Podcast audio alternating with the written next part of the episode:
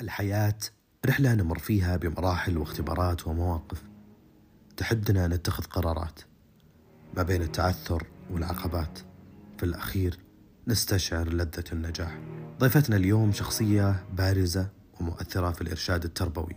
ولكن خلف النجاح كله خلونا نعرف كيف تعثرت سابقا في المراحل الدراسية وكيف أصبحت بعد ذلك الدكتورة سارة العبد الكريم. وما بين المرحلتين الكثير من القصص. خلونا نسمع. رحب فيكم اليوم في حلقة جديدة. ضيفتنا اليوم المستشارة والدكتورة سارة العبد الكريم. مساء الخير. مساء النور. أهلا وسهلا حياكم الله. لما درست الإعلام كان عندنا دكتور يقول أنه قبل تطلع في أي حلقة لازم تعد الحلقة عشان ما تيجي الحلقة وتحس أنك في البحر ضايع. حلو. اليوم لما جيت أعد الحلقة حسيت أنه أنا لو بعد بكتب صفحتين ثلاث صفحات. الله يسعدك. من كثر ما أتابع. يعني اليوم أنا قبل اللقاء قلت لك أنا اليوم أنا مقدم اليوم أنا فاز. الله يسعدك. فعصرت ال- ال- الإعداد فكتبت ثلاث محاور okay. فقط. أها. والباقي راح نكمله زي ما هو. okay. ما راح أحدك على شيء معين لأنه جميل. أنا أدري مهما مهما جبت محاور راح تكون ال- ال- الحلقة أفضل منها. تحمست. وعسى ما يض- ما يزعل الدكتور. طيب في البداية آه، دائما ال- الفشل في الغالب يكون مقرون ب- بالنجاح. آه، في بداية حياتك الدراسية. ما راح أقول قول. ما راح أقول أنت سنة راح أقول آه، درستي سنة ثانية. أنا اخذتي ماستر في الابتدائي. اي لا أبشرك. الناس اللي ما تعرف إن أنا عايدة سنتين في الابتدائي وليس سنة. الكل يحسب انها سنة. سنتين. إيه. فاليوم المعلومة الصحيحه إن اليوم ترى سنتين. ودبلناها صارت ودبلناها. هذا التأخير كتب الله لك إنه تخصصك يفتح على الوقت اللي أنت تخرجتي. وأخذتي مرتبة الشرف. بالضبط. بالضبط. القصة كبيرة أكيد كان فيها تفاصيل نحب نسمعها. okay. أم، أنا ضحك أقعد ست سنين وأنا ناقمة على الست السنتين اللي ضاعت علي لأن المفروض إنها ما ضاعت علي. كان ممكن بتدخل من جهات معينة معلمين إدارة whatever إنه يكون فيه دعم عشان ما أرسب هالسنتين. السنة الأولى كانت كنا رايحين كنت ناجحة أولى هنا و...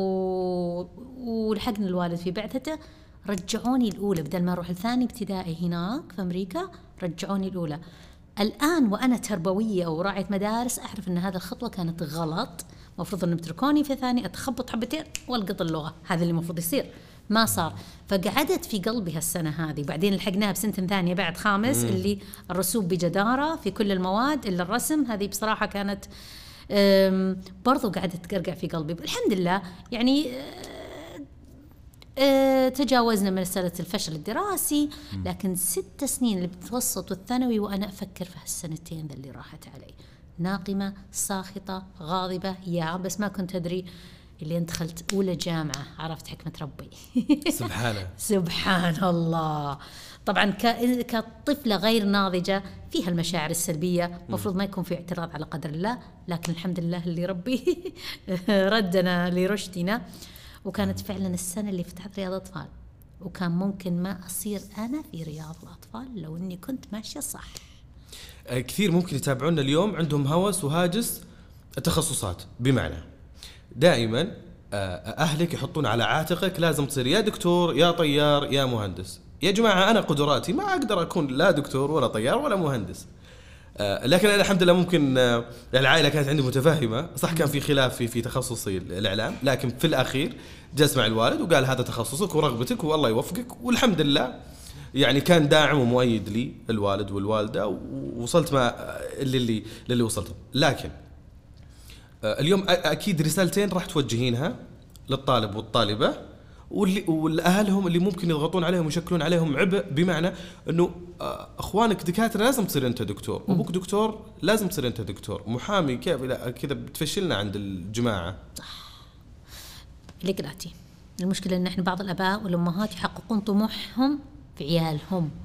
هو ما قدر يصير دكتور أو محامي أو طيار أو مهندس أنت خلك فتلاقيهم هذولي في المجالس يبزون بولدي المهندس ولدي الطيار. دائما إلا لازم يقولون ولدي ولدي ولدي. اذا هم أستخدموا مع العلم إنه مثل ما تفضلت إما أنا ما عندي القدرة أو القدرات ال- الأكاديمية اللي تدخلني الطب أو ما عندي الرغبة. ما عندي الرغبة. أنا رغبتي إما إني ما أبي الطب أو إني أنا أبي التخصص الفلاني اللي أنتم ما تبونه. أنا الوالد الله يجزاه الجنة يطول بعمره بالصحة والعافية. ولا واحدة من بناته دخلت طب. مع انه كلنا جايبين في الثانوية العامة آه، تفوق. وكان ممكن ندخل طب بس ما هي برغبتنا. ودخلنا تخصصات مختلفة. واحترم الرغبة. في الأخير كأب احترم الرغبة. والحمد لله هذا أنا بعد 30 سنة رفعنا رأس. الحمد لله. الحمد لله يا ربي. احترام الرغبة في مجال التربية. اليوم ممكن الرغبات صارت كماليات أكثر منها أساسيات. آه، يعني أول كنا ننام الساعة 9 لا اليوم ينامون الساعة 2 آه، يا ليت ثنتين يا ليت ثنتين. يعني هذا مجاز احسنها أول ممكن تستأنس وتفرح إنك شاوي في الحوش مع اهلك والعيال الجيران اليوم لا لازم يكون آه، آه، مطعم ومطعم فلان مصوره من الناس يعني لازم يكون مطعم ترند ولا ولا ما نروح. تربية الرغبات في الجانب التربوي كيف ممكن الآباء والأمهات يتعاملون معها؟ واو. سؤال رائع ولا قد جاني من قبل. ترى مو مكتوب. رائع. أقول لك ليش. إحنا الحين عصر سناب شات. فلانة أكلت في المطعم الفلاني فلانة أكل المطعم الفلاني وكلنا ناكل من المطعم الفلاني وعيالنا قاعدين يشوفون ماما بيروح المطعم الفلاني. طيب المطعم الفلاني لا يتوافق ماديا مع قدراتي أنا ولا ميزانيتي أنا. أنا ما أبي قاعد أقول ولدي لا لا لا لا لا بس بصراحة كل يوم قاعد يجيب لي مطعم. إذا وضعنا في آه، أزمة جديدة ما كنا فيها. قبل سناب شات ما كان عندنا الحكي إذا تطبيق تقني جديد جاب لنا علة في حياتنا وجع راس أنا ما أبي ولدي وبنتي يصيرون ماديين بس قاعدين يشوفون كل اللي حولهم وي- ويظنون أن كل اللي حولهم مو بكل اللي حولهم كل اللي حولهم زيي وزيك. هذولي مو بحولنا. هذولي إما إنهم يعني أمس كنت أسمع واحد يقول لا تنخدعون بكمية المجوهرات والشناط والحاجات هذه اللي يشترونها. ترى يشترونها يرجعونها يشترونها يرجعون الله أعلم الله أعلم. لكن خلقوا وضع أو صنعوا وضع خطر بالنسبة لنا إحنا ماديا وهم تنصلوا المسؤولية. مصيبة. يعني هم عايشين في راحة مالية وإحنا وضعنا في أزمة مالية بسببهم. كيف أستطيع أني أوازن عند طفلي؟ أذكر واحدة من الأمهات هي من تعول أبنائها بعد وفاة أبوهم. أه يشو- يشوف سناب شات لأقاربه رايحين لأغلى المطاعم ماما أبي ذا المطعم.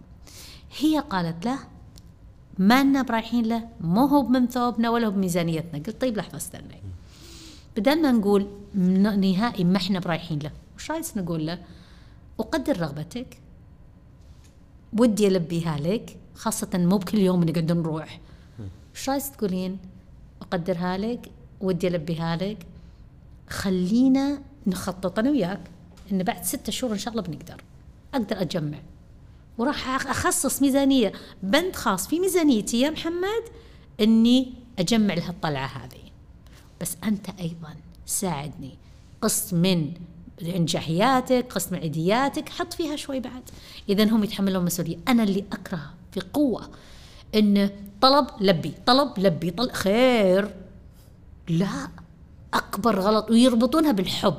إما أن تقول ما أبيه يحس إنه محروم زي زي ولد خاله أو أجي أطلب منك ايباد ما تقدرين ما تجيبينها لي تقولين لي لا ما أقدر. وش أقول لك؟ ما تحبيني.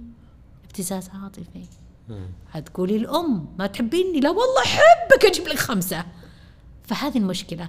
أطفالنا إما إنهم أذكياء ولاعبين علينا وإحنا لعبتهم بيدهم صدقين وإما إني أنا ما عندي الضبط الداخلي وأعرف وشلون أدير. وطبعا بعضهم وش يقولون؟ إذا الطفل طلب بدل ما أقول إحنا اليوم نطلع بنشتري لعبة ب 30 ريال بدل ما نضبط العملية إذا دخل وراح ونص اللعبة ب 500 أقول ما عندنا فلوس. لا تهزين الأمن النفسي للطفل. بإنك تقول ما عندنا فلوس. ترى كايدة على الطفل تقول ما عندنا فلوس. الطفل تفسيره قراءة اللي ما بين السطور ما عندنا فلوس ما عندنا أكل بننام في الشارع ما أقدر ما أقدر ما أقدر ما أقدر. لا صعبة. أنا أذكر واحدة من الأمهات لما انفصلت عن زوجها بنتها كانت في المتوسط. البنت اختارت أن تعيش عند أمها. الأم كانت تحكي لي تقول أنا لازم أثبت كلش. اللي بيتغير بيتهم بس كلش في حياتهم لازم يبقى ثابتا عشان ذا الزعزع اللي صارت في حياتهم. قد الإمكان ما راح أغير شيء. وكانت حريصة جدا جدا على أن المدرسة لا تتغير. والمدرسة بمبلغ وقدره عشان الرسوم. بس أثاري بنتها نفسها كانت تقول يما بتغيرين مدرستي؟ شوفوا البنت كيف تفكر؟ البنت تبغى- تبتز أمها. عاطفيا من هذا الجانب؟ ممكن ما. يكون ابتزاز ممكن يكون انها عندها خوف إن حياتها بتهتز إلا الأصدقاء ما بيهم يتغيرون. كانت خايفة إن الأم ما عاد تقدر ماديا على ان تب تبقيها في هذه المدرسة فكانت تقول بتطلعيني من المدرسة. فالام قالت لو اشحذ في الشارع ولا طلعك من المدرسة لأن عارفة. بس أنا استوقفني كيف إن البنت نفسها خايفة من التغير. فمعناتها في مشكلة لما يكون في في في تغير تجاه الأطفال. ال- الكلمات والمفردات اللي جالسة تقولينها يعني ممكن في فترة من فترات ما كنا نسمعها وما كنا نتعامل فيها، يعني إحنا لازم نكون واقعيين تمام؟ الت- التربية يكون غالب عليها في في مجتمعنا الشدة لا أحبسه أحرمه لا يروح لا يجي أشياء كثيرة ما اسويها خوفا من أمي خوفا من أه، من أبوي. آه، يعني هذا الأمر ال- الداري. البعض ممكن آه، ضرب لحد التعنيف وهذه المشكلة أو الضرب من أجل التخويف. آه، طبعا ما مريت في في ضرب. أنا بالنسبة لي آه، يعني أبوي شخصية يعني من غير ما يضرب. أنا كنت أتمنى أقول له تكفى أضربني ولا ولا ولا تنافق علي أو ولا تزعق علي. وأمي آه، أكره أنها تطنشني. آه.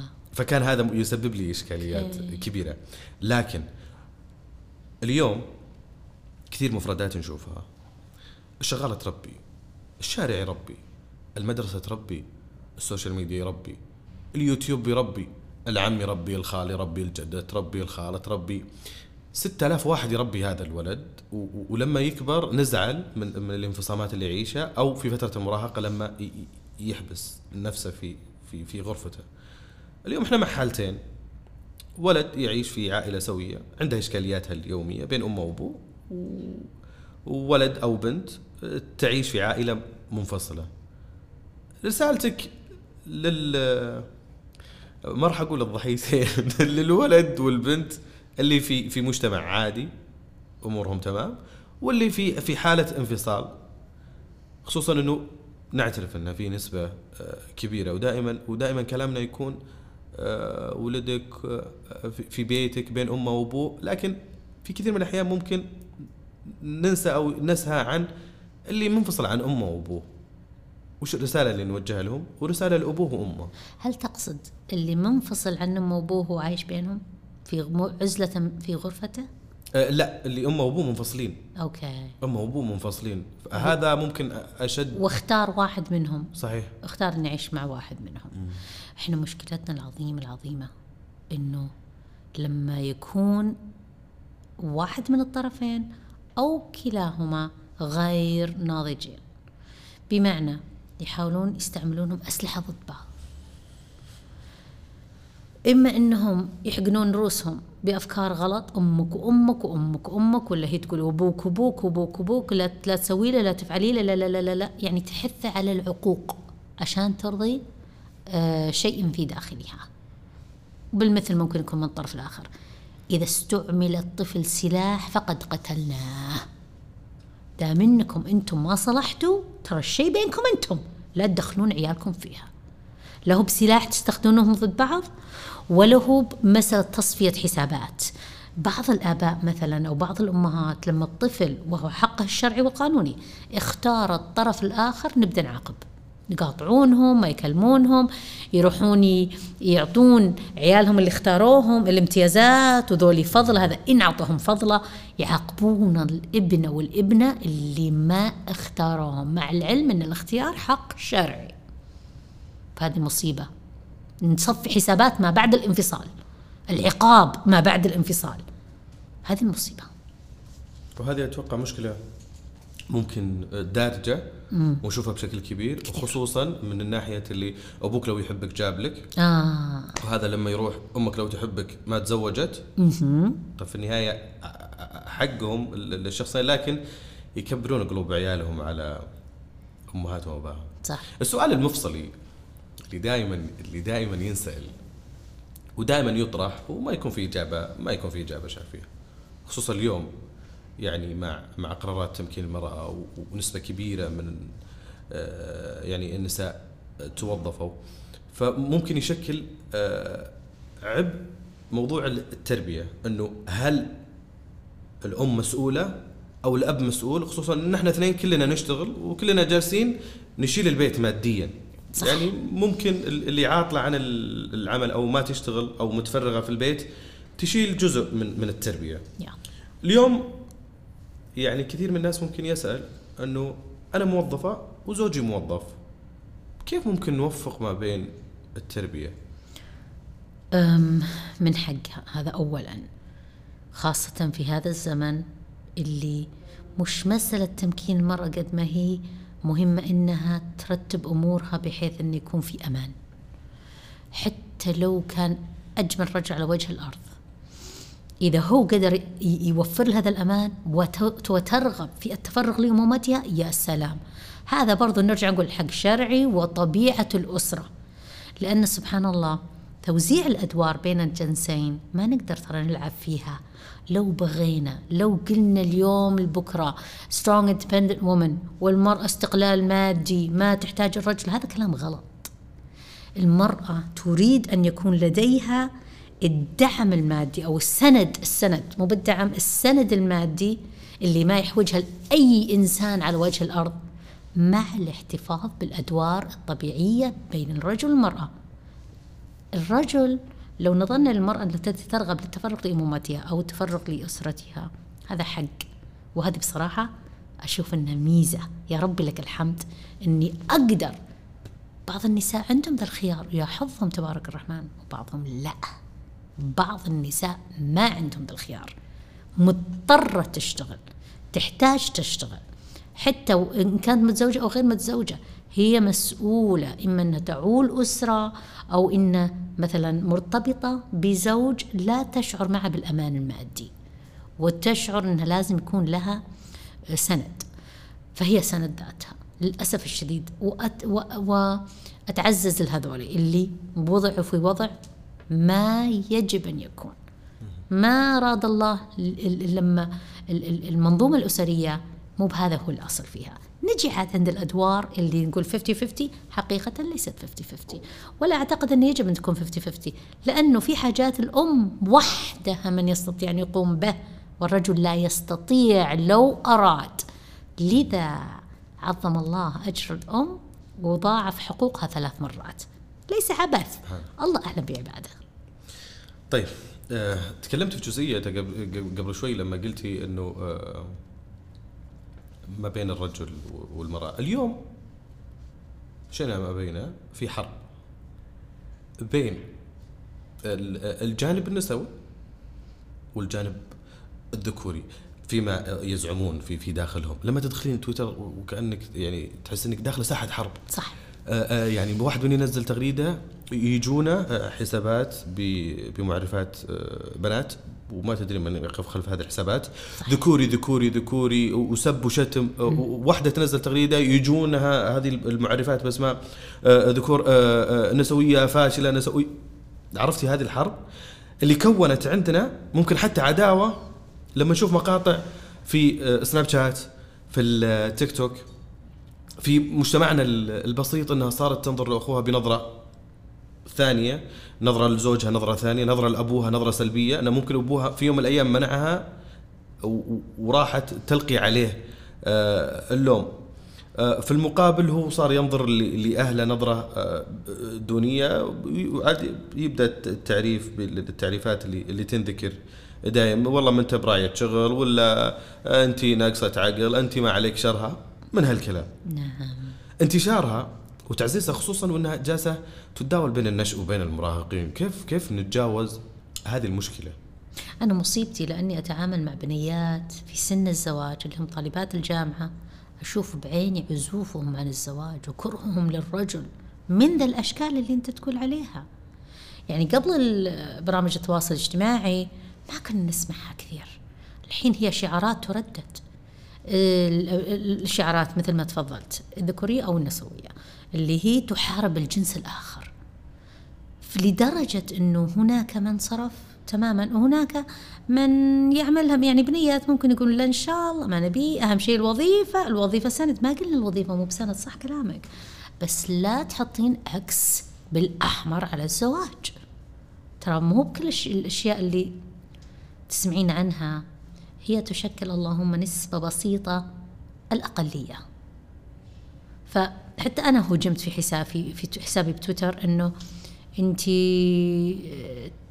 تسردين قصص كثيرة عن مشاكل الزوجية. قلت لحظة.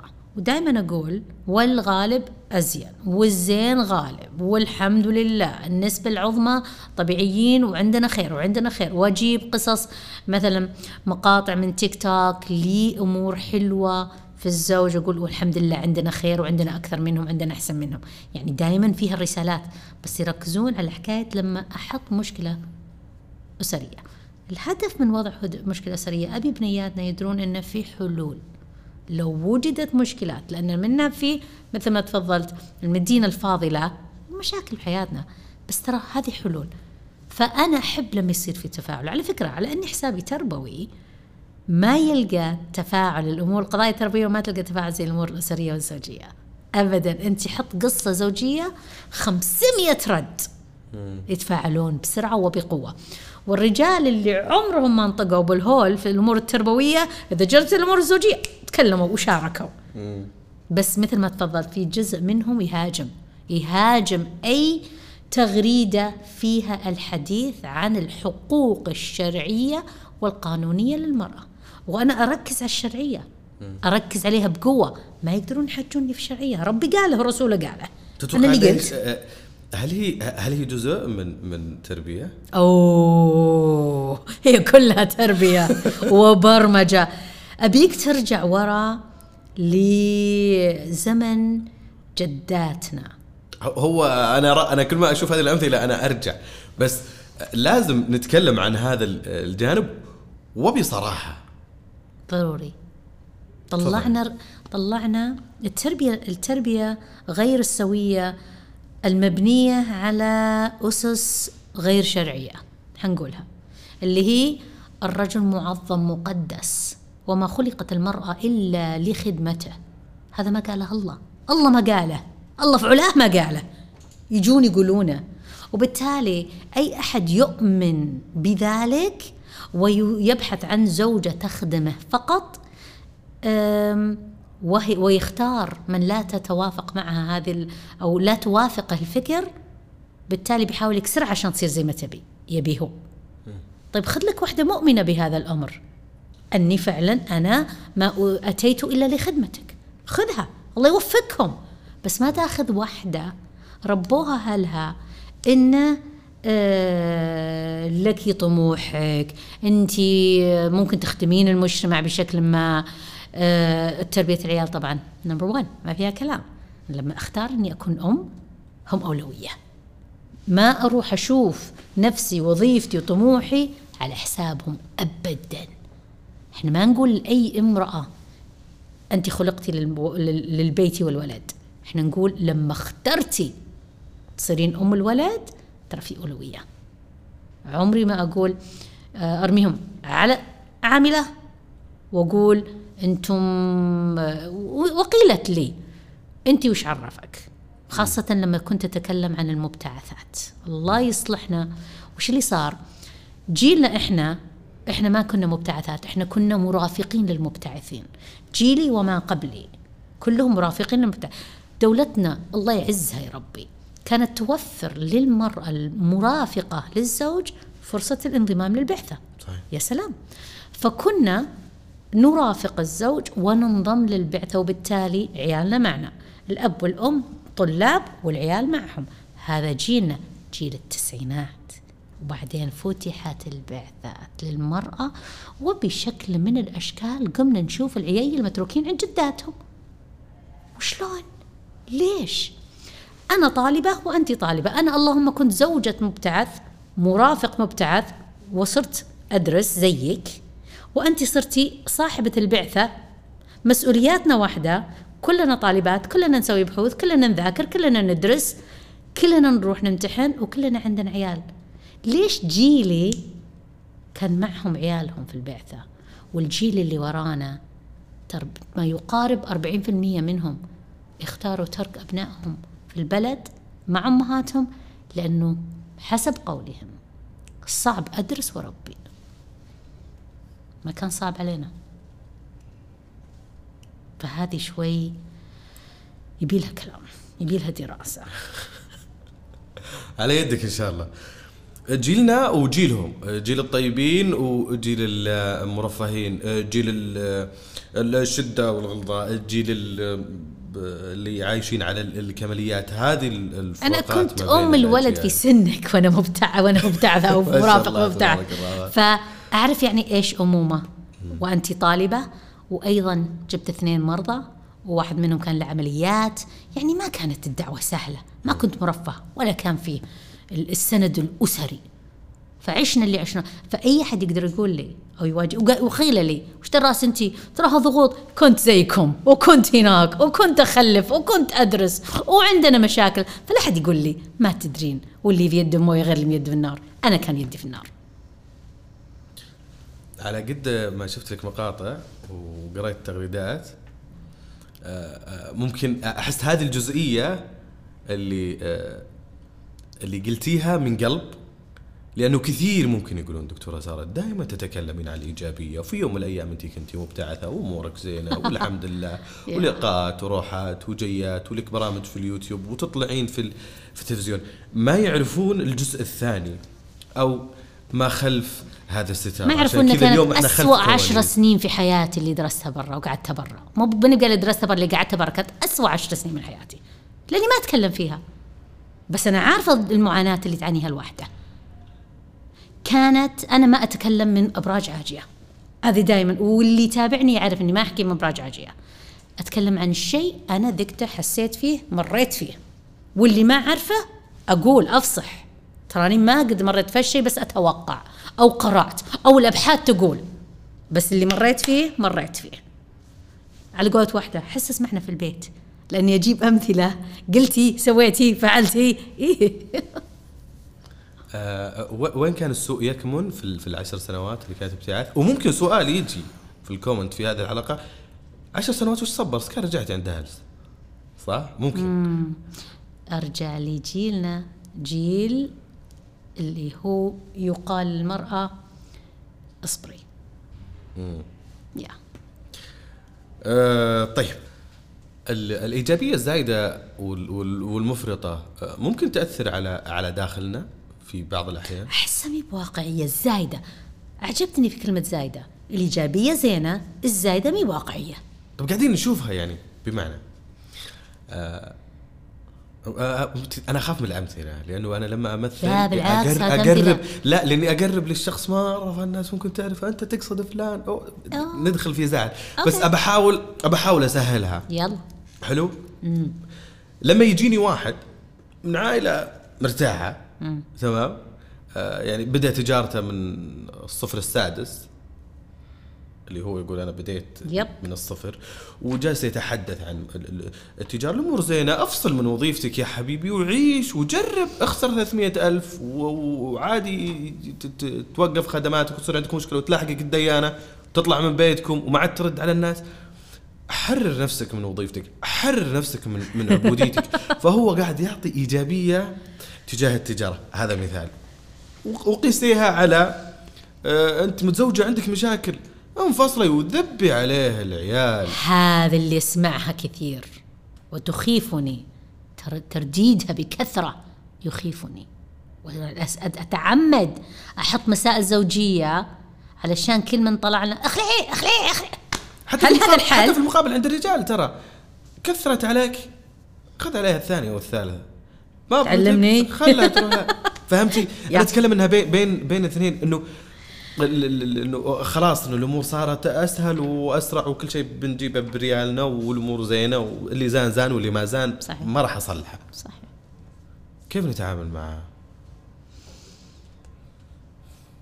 كنت ما أعرف أتعامل معهم وتعلمت. في حاجز.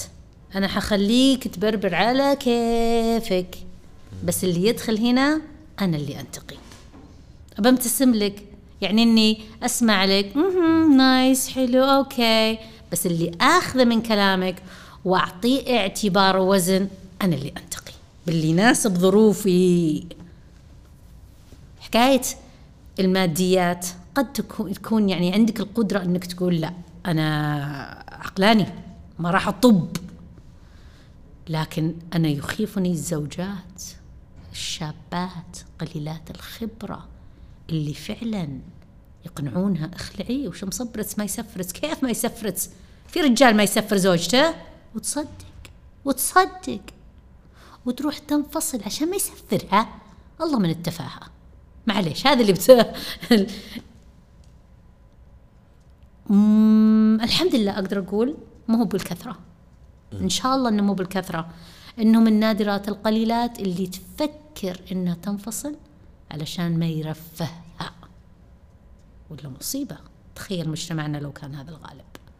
تشوفين ان كلامك ممكن يزعل آه، آه، نسبة كبيرة إنه آه، يعني الكلام اللي أنت قلتيه هو من أبسط حقوقه في النهاية هو جالس يسافر ويروح ليش أنا ما لحظه استنى استنى. هو. قاعد يسافر يروح؟ لا أجل ارجع نرجع. كات وارجع من جديد.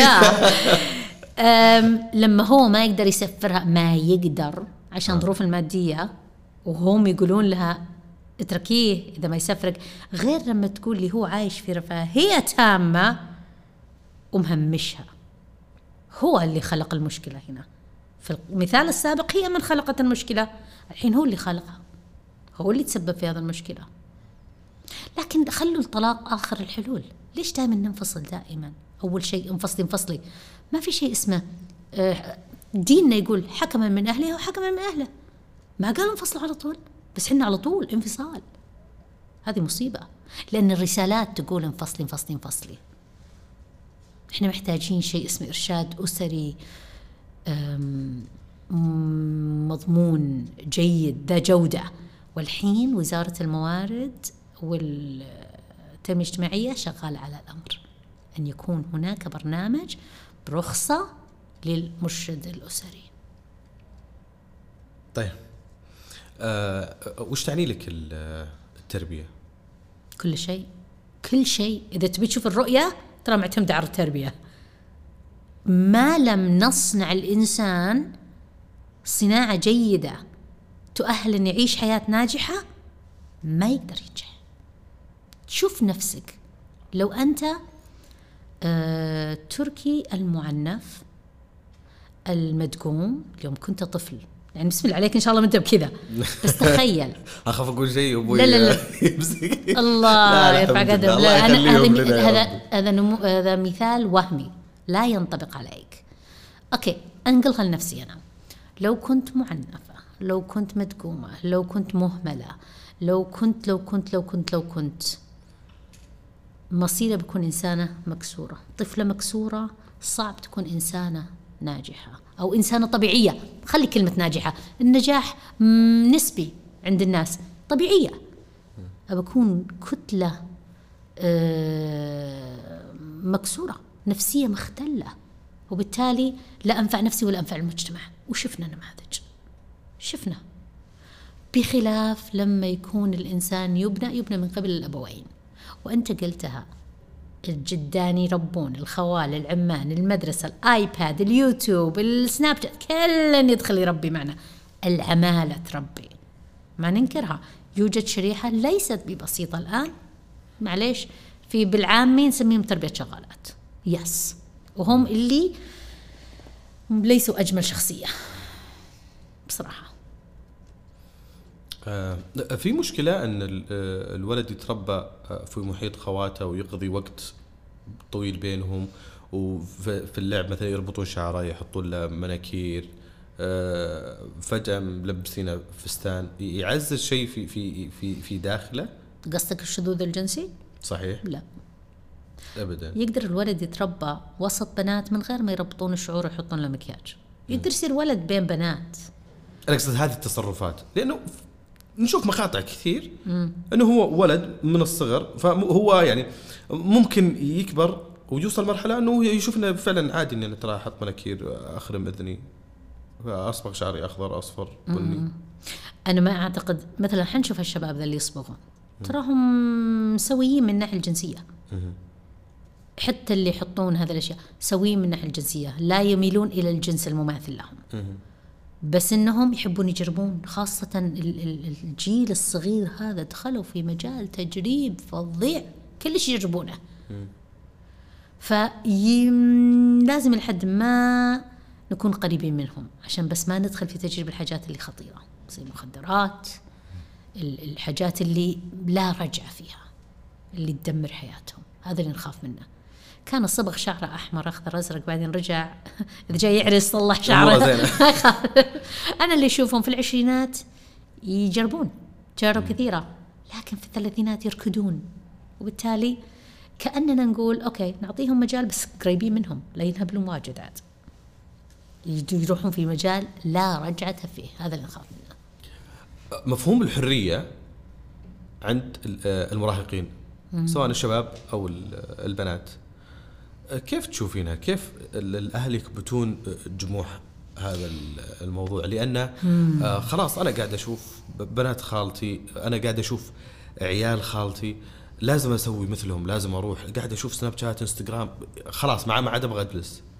يا ليتهم يقلدون بنات خالاتهم عيال خالاتهم قاعدين يقلدون سنابيين اللي مو من أسرتك مو من مجتمعك مو هو من طبقتك المادية ولا هو من آه، طبقتك الاجتماعية ولا الثقافية وتبي تقلدهم؟ ولا مو بالمشكلة بس كذا.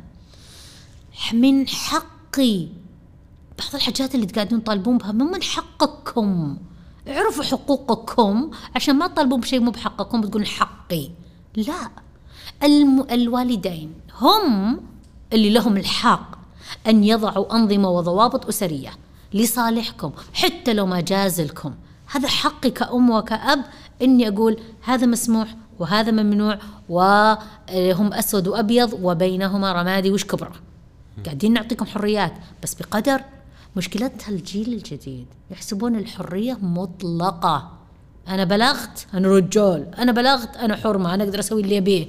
خاصة لما دخلت لنا ذا الشعارات اللي قلت لك عليها اللي هي independence الحرية ال- ال- ال- التحرر.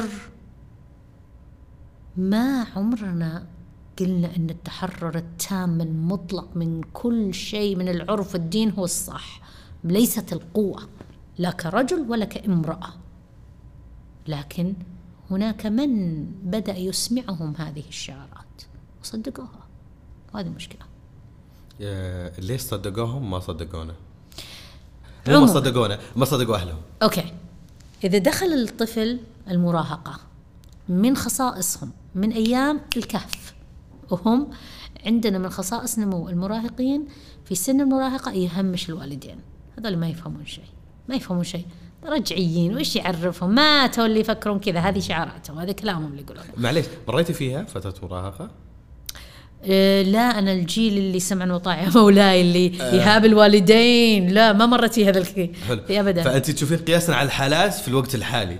الوقت الحالي ومن ز... من س... يعني من زمن طويل.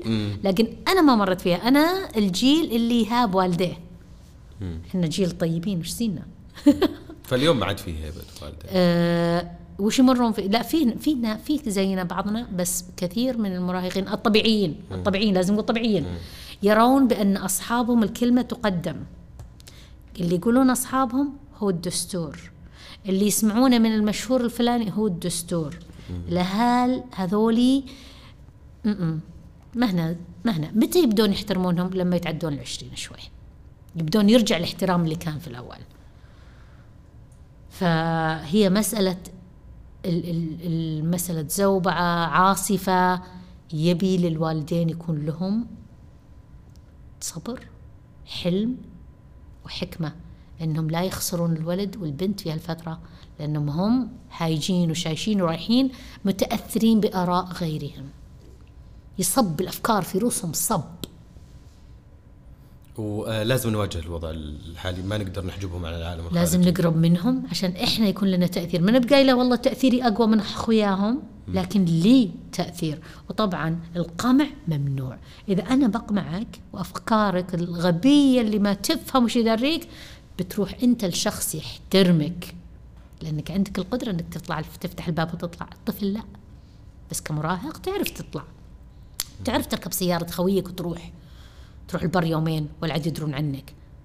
لأن في أخوياء يحترمونك كرجل. عمرك 17 سنة بس يحترمونك كرجل. يشاورونك يعطونك قيمة. هذا الشيء المفروض أنك حاصل عليه من وكبنت؟ هم؟ كبنت برضو. بس المصيبة البنت البنت أيضا تدور عن العاطفة عن الإعجاب. فممكن إنها تبني علاقة مع شاب وهو يلعب عليها.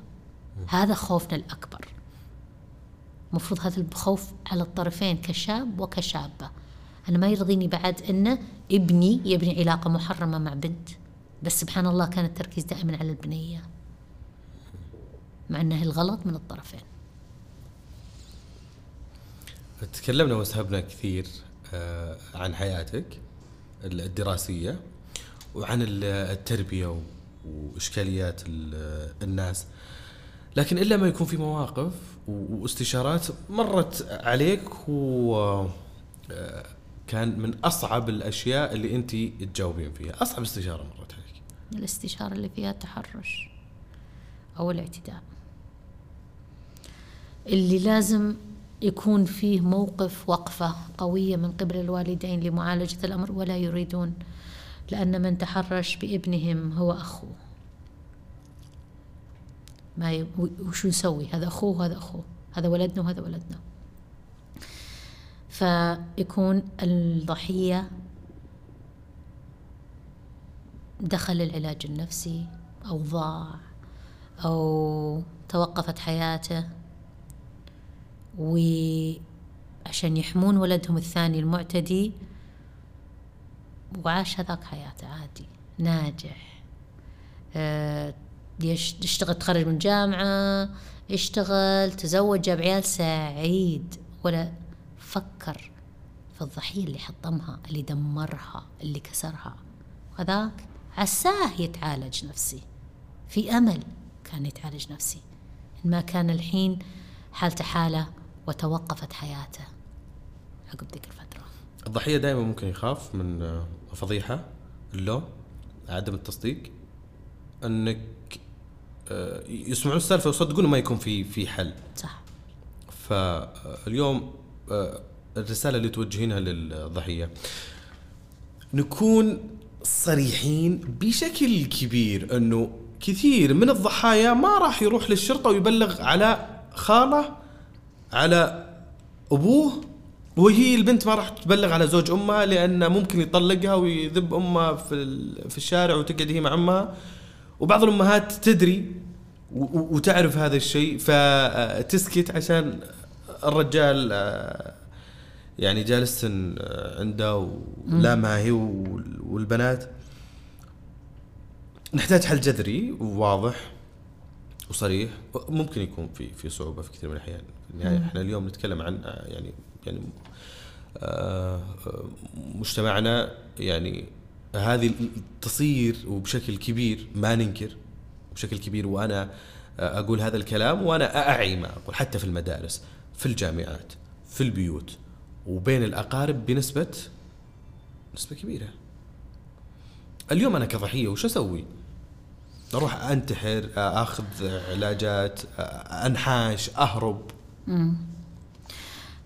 في القصة هذه كلها قصة التحرش. الضحية هو أهم إنسان فيها. مصلحته وعلاجه وحياته أهم شيء. المحيطين به ما كانوا يعون ذلك فيا ليت هو ينقذ نفسه.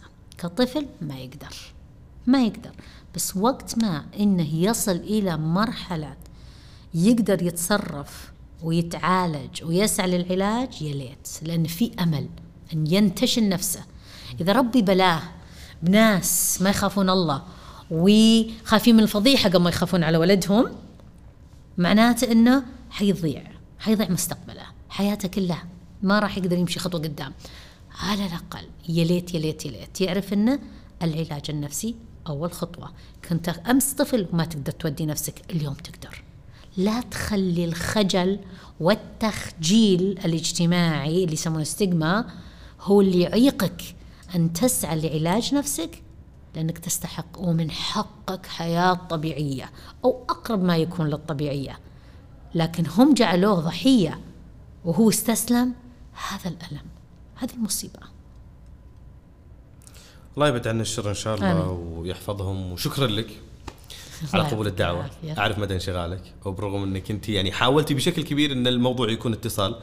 إجابتك بحد ذاتها ترى تعني لي ال- الشيء الكثير. إنه من الصعب يعني شخص مشغول يعطيك جزء من وقته في مكان بعيد وزحمة. لأنكم صاحب أصحاب رسالة وتستاهلون والله الدعم. يا ليت يا ليت كل الناس مثلك. يا ليت كل من. يحمل علم ويحمل رسالة ويحمل أمانة إنه يسهل الموضوع بشكل كبير. أعرف مدى الانشغال. الله دائما في بداية كل لقاء في بداية آه، كل مقابلة لك مع أي أحد أول سؤال يقول لك كيفك؟ اليوم بعد نهاية الحلقة أنا اللي راح أقول لك كيفك. هذه كاميرتك تفضلي. أنا اليوم جدا سعيدة.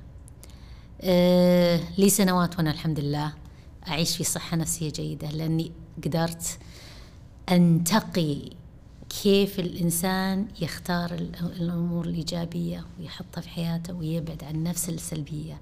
كانت صعبة لين وصلت لهالمرحلة بس اللي أنا وصلت له كل يقدر يوصله. ابعد عن نفسك الأمور السلبية عشان تصير سعيد. وما معناته الحياة مثالية وكلش بيرفكت لكن كن إيجابي انتقل إيجابي من كل موقف صعب وتعيش سعيد إن شاء الله. آه، تقييمك في الجانب التربوي لنفسك من مية صعب التقييم لكن كمربية كأم؟ امم برضو ما قد انسألت السؤال. ر- كلام الناس مو بكلامي. قيل شلون عيالها؟ هي تطبق اللي تقوله. رد عليهم من قبل ناس يعرفون عيالي. الحمد لله باب النجار غير مخلع. الحمد لله. الحمد لله كسرت القاعدة. شفت؟ دائما وابدا إن شاء الله ربنا لك الحمد. بفضل الله بفضل الله بفضل الله إن شاء الله ان. باب النجار مو مخلع بإذن آه، الله شكرا لك. ويعطيك والله. استمتعت اليوم في خلف كواليس الله يسعدك. قصتك آه، تمنيت أن ناخذ وقت أطول لكن آه، أعرف مدى آه، انشغالك الله لكن. أكيد لنا لقاءات جاية وما أقدر أقول إلا الله يبيض وجهك ويجزاك خير على هذا الفعل اللي أنت جالسة تقدمينه. للناس اليوم أنت جالسة لا تتوقعين إنه إنه كلامك يعني جالس يصل آه، فقط للأمهات أو الآباء بالعكس في أشخاص كثير مهتمين في أشخاص كثير حابين يعدلوا من نفسهم أو حتى ياخذون جزء من هذا الشيء ويحاولون يعدلون من سلوكيات آبائهم أو أمهاتهم من الكلام اللي أنت تقولينه. شكرا لك. شكرا لك. الله يعطيك العافية. العافية. شكرا لكم. نلقاكم في حلقة جاية إن شاء الله. في أمان الله.